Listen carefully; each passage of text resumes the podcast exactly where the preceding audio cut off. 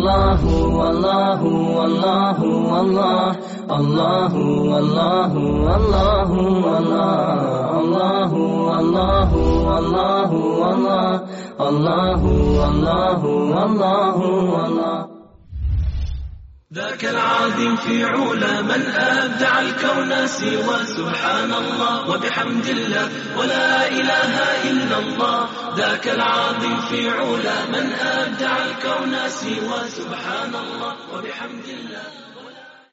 الحمد لله رب العالمين. والصلاة والسلام على رسولنا ونبينا محمد وعلى آله وصحبه أجمعين. اللهم علمنا ما ينفعنا وانفعنا بما علمتنا وزدنا علما يا كريم Imam Buharija je naslovio poglavlje sa obilazak Beduina. Obilazak Beduina, to jeste obilazak ljudi koji žive van gradova. Seljaka, ljudi koji radi van, van gradova u, u selima. Allahu poslanik alejhi salatu vesselam jedne prilike obišao beduina. Ovaj hadis prenosi Ibn Abbas radijallahu anhuma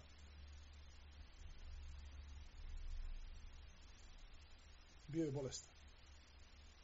Ja'uduhu fa qala la ba's alayka tahur insha Allah.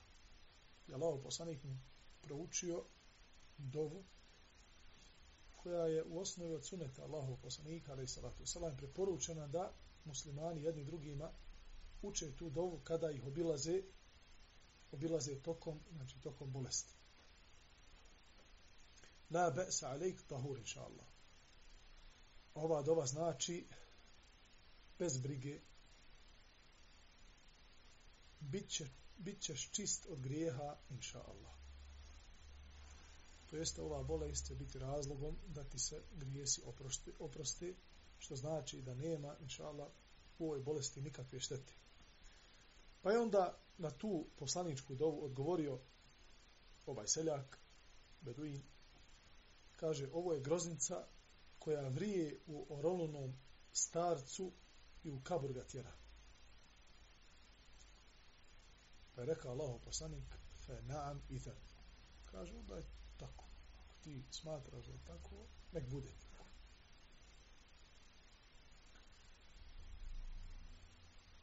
Ovaj hadis nam govori o tome prvenstveno da je Allah poslanik alaih salatu wasalam pored svoje velike zauzetosti emaneta koji nosi svojim, na svojim plećima nailazio je na slobodno vrijeme pravio ga je sebi tako što je alaihi salatu wasalam, raspoređivao svoje obaveze tokom dana i noći. Planirao svoje dane. Znao je tačno kada dolazi kod Ansarija da bude sa njima. Znao je alaihi salatu wasalam, tačno vrijeme kada će posjetiti siromahe Medine, takozvane ehlu sufe, koji su boravili, nisu imali svoje kuće. Bili su nezbrignuti. Znači nisu imali, nisu imali dovoljno novaca da naprave sebi kuću pa su živjeli u zadnjem dijelu mesčida Allahov poslanika ali sallatu sallam, Malim šatorčićima. Samo da, da bi mogli tokom spavanja da se, da se raskomodite. Allahov poslanika ali sallatu sallam, i te ljude svakodnevno obilazio.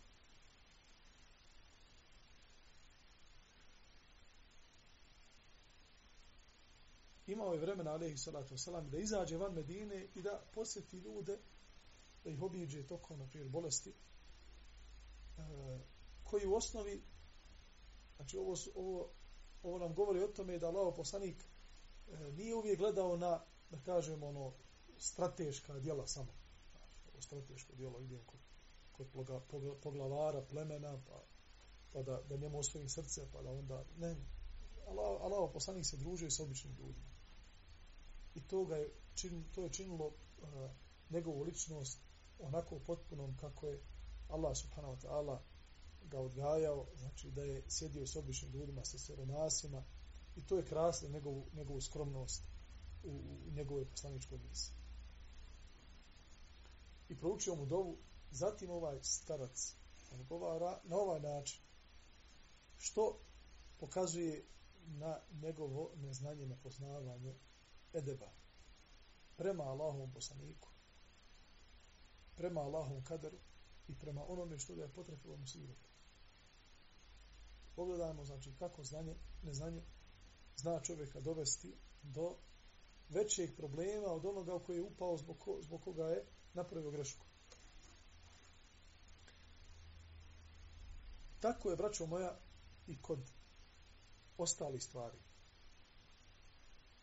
Kaže Allahu poslanik alejhi salatu vesselam u hadisu koji je vjerodostojan da kaže gospodar svjetova Ana inda husni obvanni abdi bi ja ću se obhoditi prema svom robu, kaže Allah Đelešanhu, onako kako moj rob misli o meni. A ako misli o meni hajr, fa kana hajra. Biće mu dobro. A ako o meni misli loše, bit će mu loše. Allahu poslanik, kada je ovaj čovjek rekao da ga ova bolest tjera prema kaburu, to je da će ga ubiti, kaže fe naam idan. Onda je tako. To jest, ti si onda prepušten, prepušten tvome odabiru. Kako ti misliš o Allahu Đerlešanuhu, tako će ti biti. Zbog toga je na muslimanu da uvijek bude optimista u svakoj situaciji. I kada Allah Đelešanu kaže fa inna ma'al usri usra, da se upravo tako obhodi sa svakim iskušenjem. Da nakon poteškoće dolazi olakšica. I da kada se muslima nađe u poteškoći, na njemu je da pored sabura, pored strpljenja na onome što ga je zadesilo, na njemu je da se svakog trenutka nada da je narodni trenutak koji ga očekuje olakšica koju Allah obeća u kuranskom ajetu suri Al-Inširah. Do te mjere su prve generacije muslimana živjele u optimizmu sprem iskušenja kaže više smo voljeli da živimo u iskušenju nego u rahatluku. Kaže, zašto? Jer smo, kaže, bili ubijeđeni da sve dok smo u iskušenju, da naredni trenutak može da bude upravo ona blagodat koju Allah obećava u, u suri Al-Inširah, kaže, ali kada se nađemo u blagodat, kaže, naredni trenutak može nas zatrefiti iskušenje koje mi ne poznajemo, pa možda nas ono slobi. Pa smo, kaže, više strijepili kada smo bili u rahatluku, nego kada smo bili u iskušenju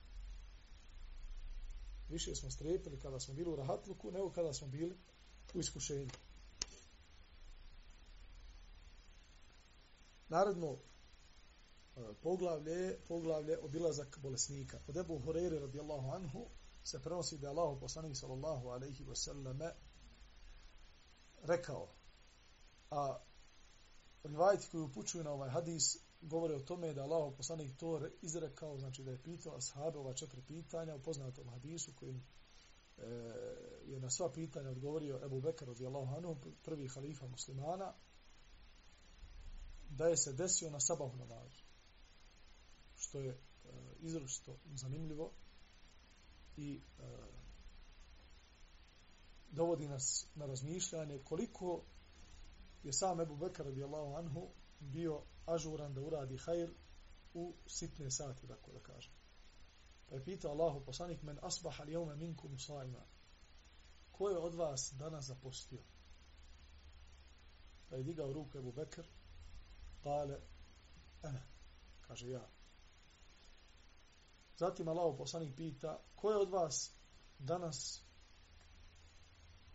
posjetio bolesnika? Pa je opet Ebu Bekr digao, digao ruku.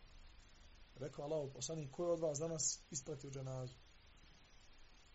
A prije su se u, prije pratile dženaze, braćo moja, tokom večera. Za sahaba. Zašto?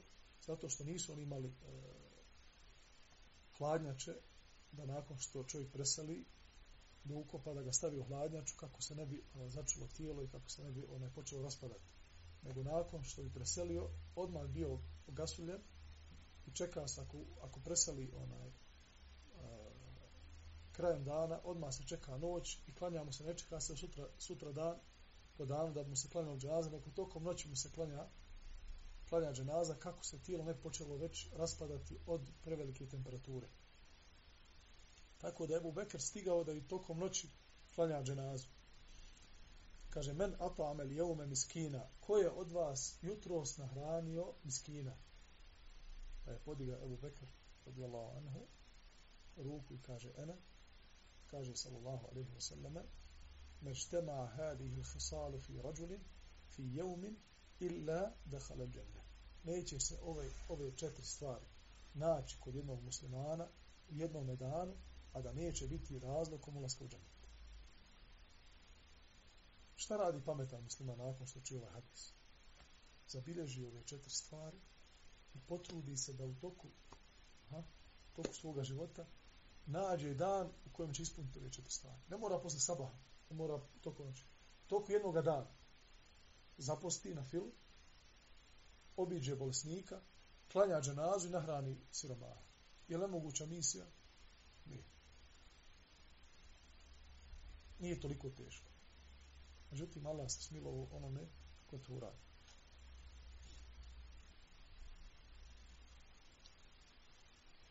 I ovo također, ovaj hadis govori o tome da prvaci, kada Allah Želešanu nekome otvori vrata i badet, otvori mu vrata znanja,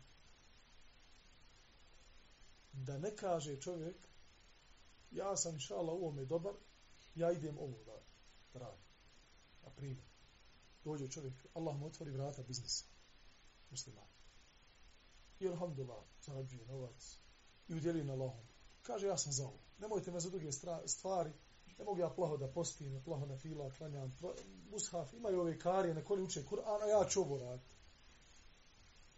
Islam je, braćo moja, vjera koju Allah Đalešanu poslao svim ljudima. Svim ljudima. Da se natiču.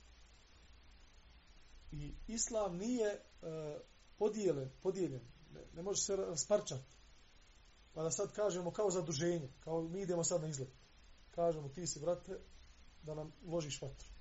I nemoj da, da se vatra ugasi. Ti ćeš nam išala sa svojom ekipom sakupiti peše stomaka da nam šator razapneš. Ovi su zaduženi da bude vode za abdesta.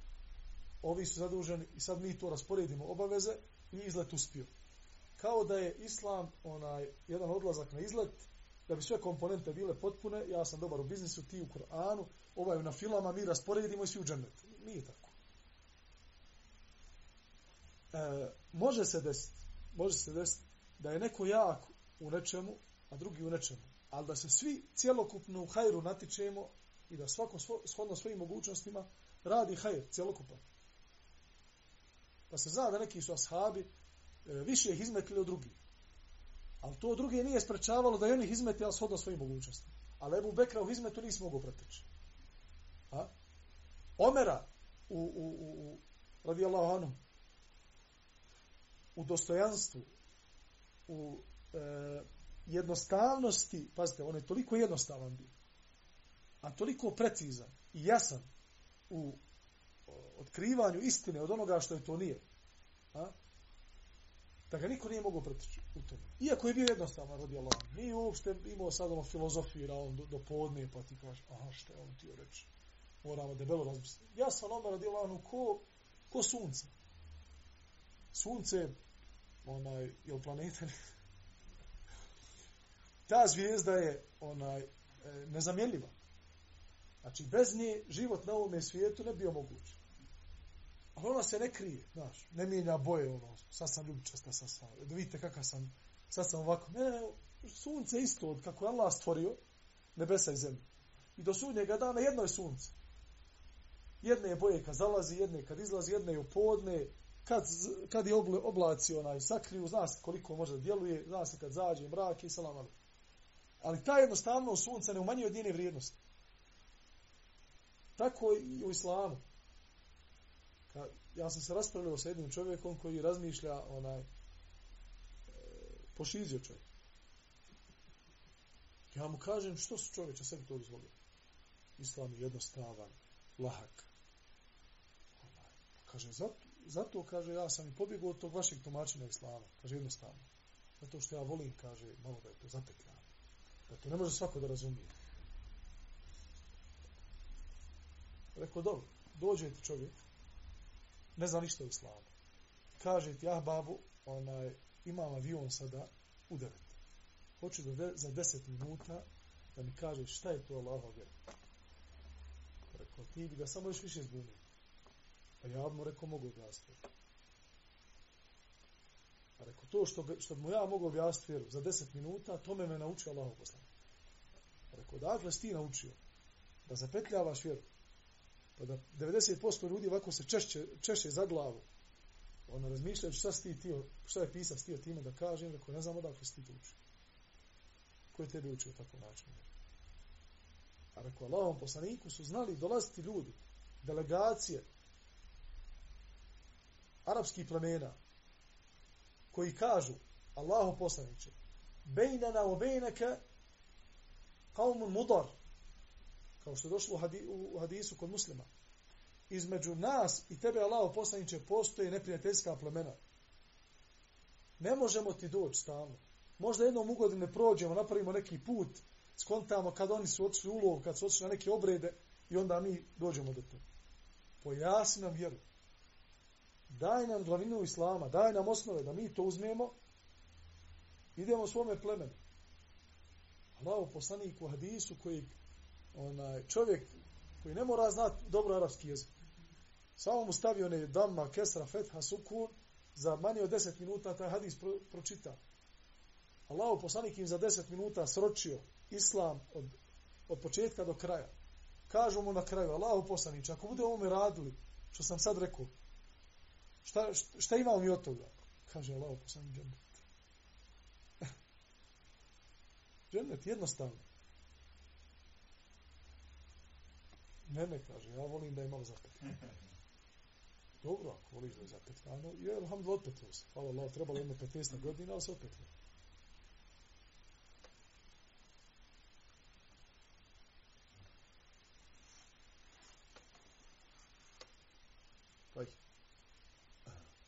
Od Džabira, radi Allahom se prenosi da Allah, poslanik, alaih salatu wasalam, odšao kod Ummu Saide, da je posjeti, a ona se tresla u doznici. Kaže Allahu poslanik alaih sallatu wasalam, maleki, šta ti je? Alet al huma ahzaha Allah.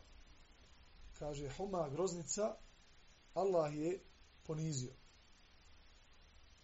Pa je rekao Allahu poslanik sallallahu alaihi sallam, meh. Meh na arabskom znači, uh, ono, ostavi. Kan se toga. što bi naši onaj na, po selima onaj kad djetu onaj, ne znam tamo istočna Bosna znači jami kažu ne znam jeste čuli taj izraz jama kad djeta nešto hoće da, da uzme kažemo jami a e, to je meh لا تسبيها فإنها تذهب الخطايا المؤمن كما يذهب الكير خبث الحديد Kaže Allahu poslanik, nemoj tako. U istinu, ona čisti vjernika, groznica, od grijeha, kao što kovački nije čisti gvožđe od prljavštine. Groznica svake sekunde, dok je u tvome tijelu, huma, znači, ona sapira grije. Svake sekunde, sve dok osjetiš bol, sve dok osjetiš nemoć, to je inša Allah pranje grija. Postoje, kao što kaže islamski učenac, postoje grijesi koje kada svojim istikvarom i svojim dobrim djelima ne otkloniš od sebe, Allah ti pošalje groznicu da putem groznice se otklanja. Kako ne bi zastarjalo. Naši stari fajlovi odu negdje sa strane, a Boga mi stari fajlovi se pojave jednog dana. Kad će se pojaviti? Pojavit će se onda kada Allah proživi sve ljudi svi oni stari fajlovi izađu na vidjelo. Obnove se. Ne izbrišu se. Ali Allah je lešanu milostivi samilosni prema vjernicima na ovom svijetu i na ahiratu čisti kako bi im stari fajlovi ostali čisti onaj, da ne ostane ništa staro da bi vjernik došao pred Allaha čist kao kada ga je majka rodila.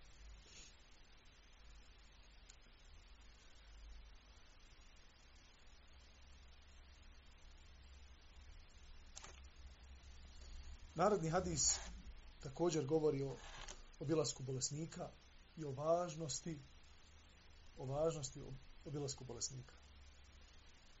danas da svjedočimo, braću moja, vremenu kada smo u većini slučajeva zadovoljni.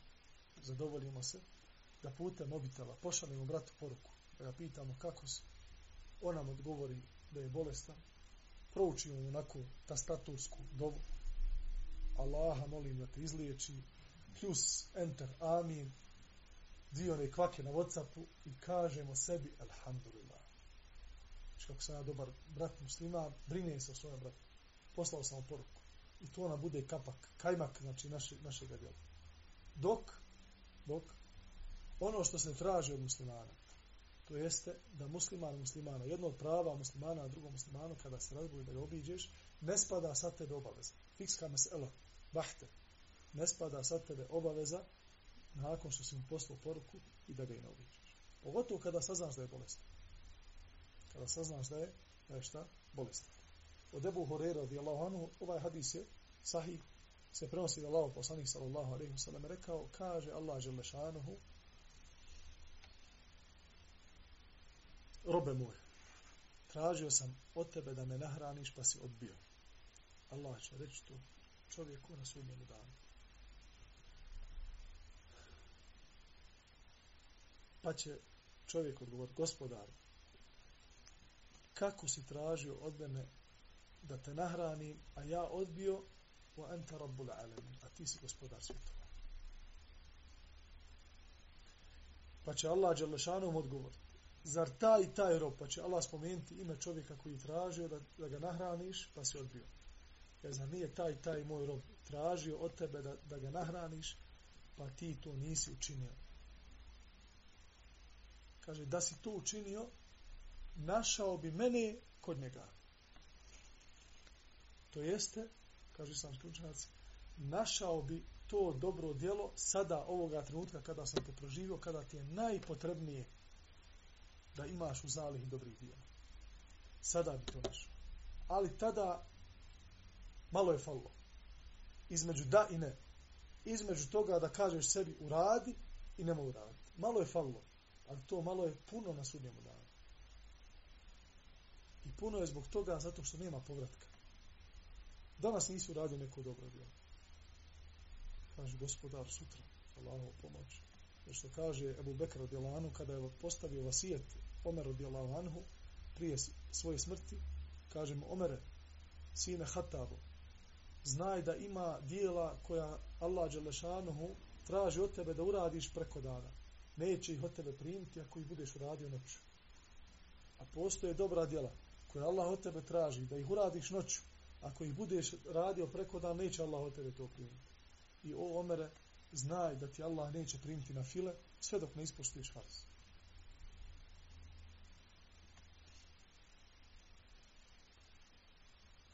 Kaže dalje Allah Đelšanu će reći robe moj, tražio sam od tebe da me napojiš, da mi dadneš vode, pa si odbio.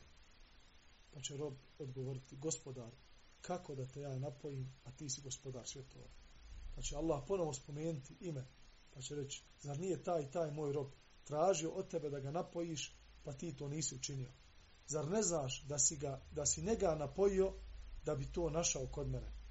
Sine Ademov, ja se razbolje, a ti mene ne obiđe. Pa će reći čovjek, gospodaru, kako ću tebe obići kada si ti gospodar svih svjetova?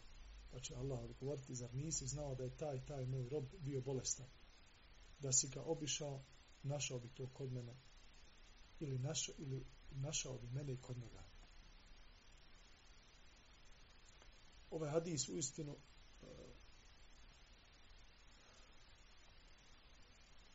je zabrinjavajuć zato što donekle govori kako govori o vrijednošću o vrijednostima napajanja i hranjenja drugih i obilaženja bolesnih muslimana također govori i donekle o obavezi toga istog. Jer kakav je islam koji nas uči da ne znamo za svoga brata muslimana? Da ne znamo za njegov problem? Da ne znamo za gladne? Da ne znamo za žedne, da ne znamo za bolesne. Abdullah ibn Mubarak, rahimahullahu ta'ala, poznati tabi, veliki abid, muđahid, koji je bio poznat po tome da jedne godine odlazio u borbu na Allahom putu, a druge godine bi znao otići na hač. Jedne prilike, kada je se spremio sa svojim društvom da ide na hač, da obavio hađ, sreo je na putu za hađ ženu koju je primijetio da uzima lešinu, uginulu pticu na putu i stavlja ispod svoje haljine i odlazi sa njom. Pa je on sustigao i kaže Allahu robkinjo, šta tu radiš? Jer je kao fekih, kao abid, kao Allahov rob koji je oštroman, Abdullah ibn Mubarak, znači ovaj, čovjek od koga se umeto koristio. Čovjek koji vidi jednu situaciju, odmah pročita o čemu se radi. Ne treba mu puno da, da vidi. Znao je da neće, neće žena koja je muslimanka u to doba, koja zna propise vjere, neće uzeti uginu pticu osim sa velike rade. Kaže, šta to radiš? Pa mu je odgovorila. Kaže, utruk il halqa lil halik, fa inna lillahi fi halqihi šu'una. Ovako mu je odgovorila. Kaže, ostavi robove gospodaru, onim kojim je stvorio. Kaže, u istinu, u istinu određeni ljudi i neki ljudi e, imaju posebne uvjete, to je posebne uvjete života i Allah za te uvjete zna. Pa onda on nju zakljao, kaže, tako mi Allaha, kaže, e, zaklinjem te Allahom da mi kažeš čemu se radi. Kaže, zar ne znaš da je to mejt i da Allah to zabranio? Kaže ona, meni Allah e, dozvolio strb. Je pitao kako? Kaže, pokucala sam već na nekoliko vrata svojih komšija zatražila, kaže, pomoć, pa mi niko nije pružio pomoć. A imam kući je time koji već nekoliko dana nisu ništa jeli. Pa sam odlučila, kaže, da uzmem ovu pticu, da iskuham kao čorbu i da dadim svoje djeci da, da, da ih nahrani. A tada Abdullah ibn bare kaže, e, moj Abdullah, kaže sam se, na kakav ti hađ hoćeš da kreneš, a ova žena nema šta da jede. Pa je izvadio savi metak koji je spremio da dobi na hađ, da on njoj vratio svoje kuće. Pa su ga pitali, što se vratio kući? Kao za nisi odšao na hađ, da Allahume, Allahumma da namijetio, vratiš se kući kao da, kao da te majka rodila čistog grijeha. Ali Abdullah i Mubarak zna prioritete islama. Zna šta je vrednije. Kod Allaha. Vrednije je kod Allaha nahraniti muslimana nego obaviti. Ja sam to govorio skoro braći nekoj na, na predavanju. Naopako je razumijevanje islama. Naopako je razumijevanje muslimana. Islama. Da. Tvoja majka tvoj babo, tvoj amičar, da nemaju osnovne stvari koji čine znači, neovisni o ljudima, da ne more da pruže, da pruže ruku, da, da ne budu mohtači na drugim, da nemaju, a ti uzmeš pare i odeš na umru. Još tamo zikriš. Šta očekuješ te, te umre? Očekuješ da ti Allah oprosti grije, a zanemario svoju majku, svoga baba? Šta očekuješ od, od hađa koji je na fila? A tvoja djeca, ona, nemaju osnovne, osnovne stvari za život. A ti ideš kao, ide na nahađ. Prate moj. Allah se smilovo čovjek koji poznaje prioritete u islamu. Postoje prioriteti, braćo moj. Postoje prioriteti. Od Abu Sa'ida, radijallahu anhu, se prenosi da Allah poslani sallallahu alaihi sallam reka Udu l-marida wa tabi al-janaiz tu zakirukum al-akhira. Pogledajte kako Allah poslani alaihi sallatu sallam nas e, podstiče da radimo one stvari koji u odnos u osnovi nisu strateški u našem životu. Mi dok smo na ovom svijetu. Šta volimo da radimo? Volimo da radimo poteze i dijela koja su strateška da bi napredovali. Međutim, Islam nas drugačije uči. Kaže Allah, poslanik alaih sallatu wasalam, obilazite bolesnike i pratite dženaze, te dvije stvari će vas podsjećati na ahiret. Bolestan čovjek leži na, na poslu. Šta ti imaš od njega? da ideš sa njim da, da sklapaš neke biznise ugovor. Nema to ništa. Što znači da manje više on ti nije interesantan. Ko ti je interesantan? Oni koji ulažu, oni koji ovako, onako. Ovdje ja sam ima popit kafu, pravimo ostane, razmijenimo broje telefona, evo, kreditacija. Ti samo rasteš, rasteš. Dođe dan, neko ti ovako za leđa, ah, bab, ti se okreneš melek smrti. Kada mi došli kod tebe, nema povratka, Fakat. Šta si uradio za sebe? Ja volio kada možeš, ja da sam. Džaba. Otkuca, nisi poslanik. Pratite dženaze. I to nije, nama ljudima to nije strateški. Ljudi odlaze, Allah mu se smilo neko ide, kaže poslanik, ide na dženazu. To je strateški. Da u kontum ta'alemun, kada bi čovjek razmislio, vidjet će da obilazak bolesnika i praćenje dženaza, upravo su to strateška djela. Stari naši koji su imali znanje, bi govorili, prisjećajte se smrti da bi vam se život produžio. Danas ovi naši, ove generacije, ovi što onaj, spomene smrt, on se ovako pomjeri kada to jara, kaže, nemoj kaj slutiti. Ustane kada pomjer se smjesta. Što, kada mora neko umrijet, nemoj slut smrt. Brate, pričaj o smrti, vjeruj mi. Ako ništa, znači produžit ćete život 100%. Jer prisjećanje na smrt budi život. Budite da budeš, da budeš aktivan. Budite jer znaš da će doći dan kad ćeš preseliti. Neš se opustiti. Ako ne razmišljaš o smrti, šta Dunjaluk radi s tebi? Opijete. Daje ti lažnu nadu da ćeš biti još 200 godina ovdje. I onda kad dođeš pozne godine, ka, e, moja djeca, kad sam ja, kaže, mlad bio, da mi je, kaj, vaše mladosti, svuda bi ja sad, kaj, po Makarskoj hodo, e, hodo s tijarane po Makarskoj, ali je prošlo ovako, ha? Ali vidiš one dede koji su bili pobožni, mladosti, koji znali za Allaha, obavljali pet fakat namaza, ko naš ha, Bajro, ali s Hadžića. Znate vi Bajr, onaj, stari djede što dođe u Faheda u džami, često klanja džumu i selami se sa svima, onako, sad srdačan djede dođe u kondukterskoj, onoj, e, svjetlo plavoj koši, što prije kondukteri nosi, pa u autobusu, znaš, što cijepaju karte. Jeste, jeste taj čovjek je, braćo moja, u komunizmu. On je zaradio penziju u Grasu. Vozio profesionalni vozač, autobus. Znači, cijeli svoj život je vozao Grasu U komunizmu vozao i vojnike, i civile, i imao one rute, ona, ja mislim da on bio Ilijaš ovamo, ne znam da, da li je stup. Uglavnom, svašta, svuda je nikada, kaže, nikada u životu nisam propustio jedan vakat namaz.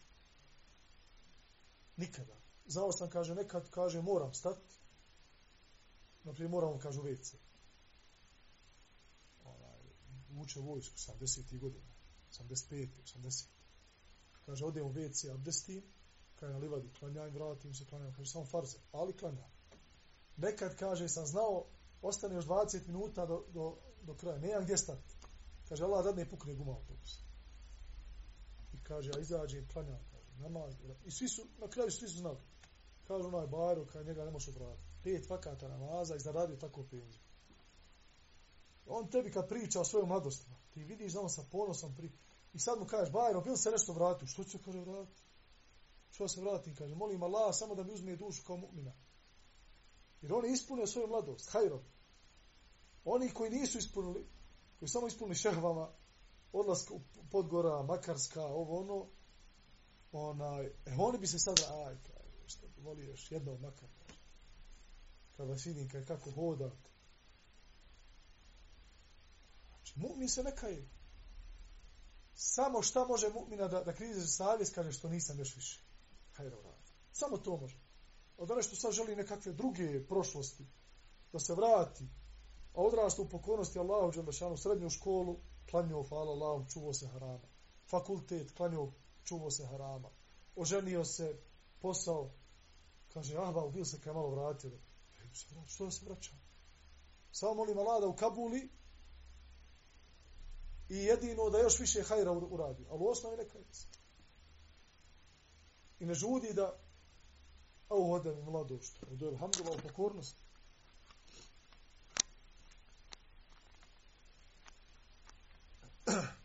Od Ebu Hureyre radijallahu anhu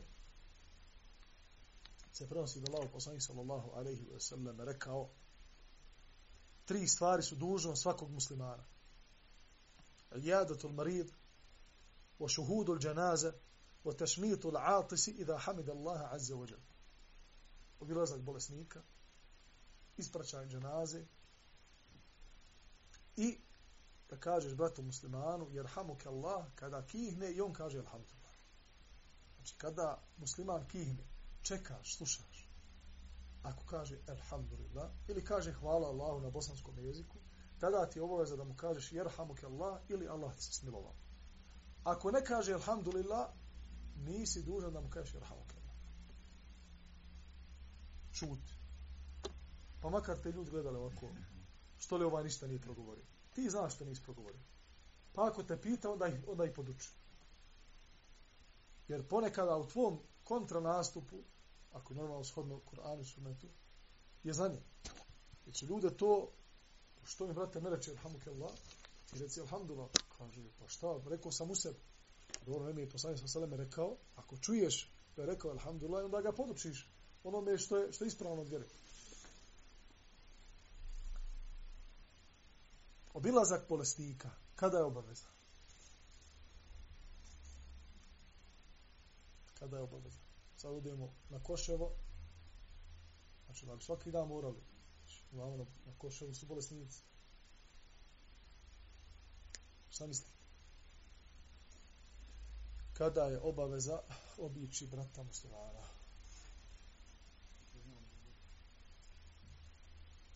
Saznamo da je bolestan čujemo je sad, na primjer, mi ovdje sedimo, čujemo da je naš brat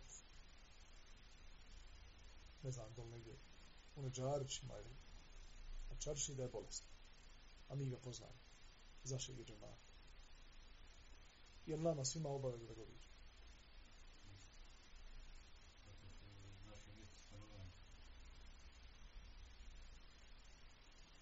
Mhm. Dobro, i kažemo sad, na primjer, za ovaj hadis zna dvije trećine čarši. Ovdje. Koliko ima stanika čarši? Ajde, procijemo, 20-30 hiljada. Svi znaju za ovaj hadis, svi se drže sunet. I plus svi kod njega, ha? 20 hiljada ljudi, da brate, kaj, selam, ali brate. Ne. Ako obaveza je, ako znaš da tvoj odlazak će ispuniti njegovu neku potrebu. Ponekad se desi da ti brat musliman kaže, brate, bolestan sam, možeš mi raditi to obaveza. Vađi bi odmah, na tebe pada vađi. Da mu doneseš, ne znam ja, limuna, naranđi, da mu nešto kupiš, da mu doneseš, da ga obiđeš, da pozovite. Ili, znaš da tvojim odlaskom ćeš mu olakšati ispuniti neku, neku maret. Znaš da, naprijed, danas, znaš da je trebao danas s tobom kolegac fakulteta. Onaj, danas ste odradili neko gradivo novo i on nije bio onaj. Ti odeš kod njega i nazoveš ga kaj, brate, što nisi danas bio, kaže, bio bolest. Na tebi je obaveza da ga obiđeš i da, da mu ponudiš ono što, što je propustio od pređenog danas kako on ne bi, kako ne bi kaskao za, za ostalo. Znači jednostavno da budeš od koristi. Sada svi kad bi navali, to bi onda to baš bilo problematično. Jer bi onda da probije vrata, boja vrata onaj, u kući. Samo svi ono par sekundi salam alaikum. O, baš, baš bi se puno bakterija tu zakupiti. Ovdje ne... Dobro. O šuhudu dženaza poznato je da je e, dženaza namaz fard kifaje. Ako jedna određena skupina muslimana e, ode na dženazu, sa drugih muslimana spada, spada obaveza. Tako da e, ovdje se dužnost misli na, ne na opću dužnost na svih ljudi, nego da jedna određena skupina muslimana da ponese taj emanet, taj emanet dženaze. A što se tiče uh, ovoga koji je kihnuo, svi oni koji su čuli el, riječi Alhamdulillah, znači u njegove blizini, duž da kažu Irhamkallah.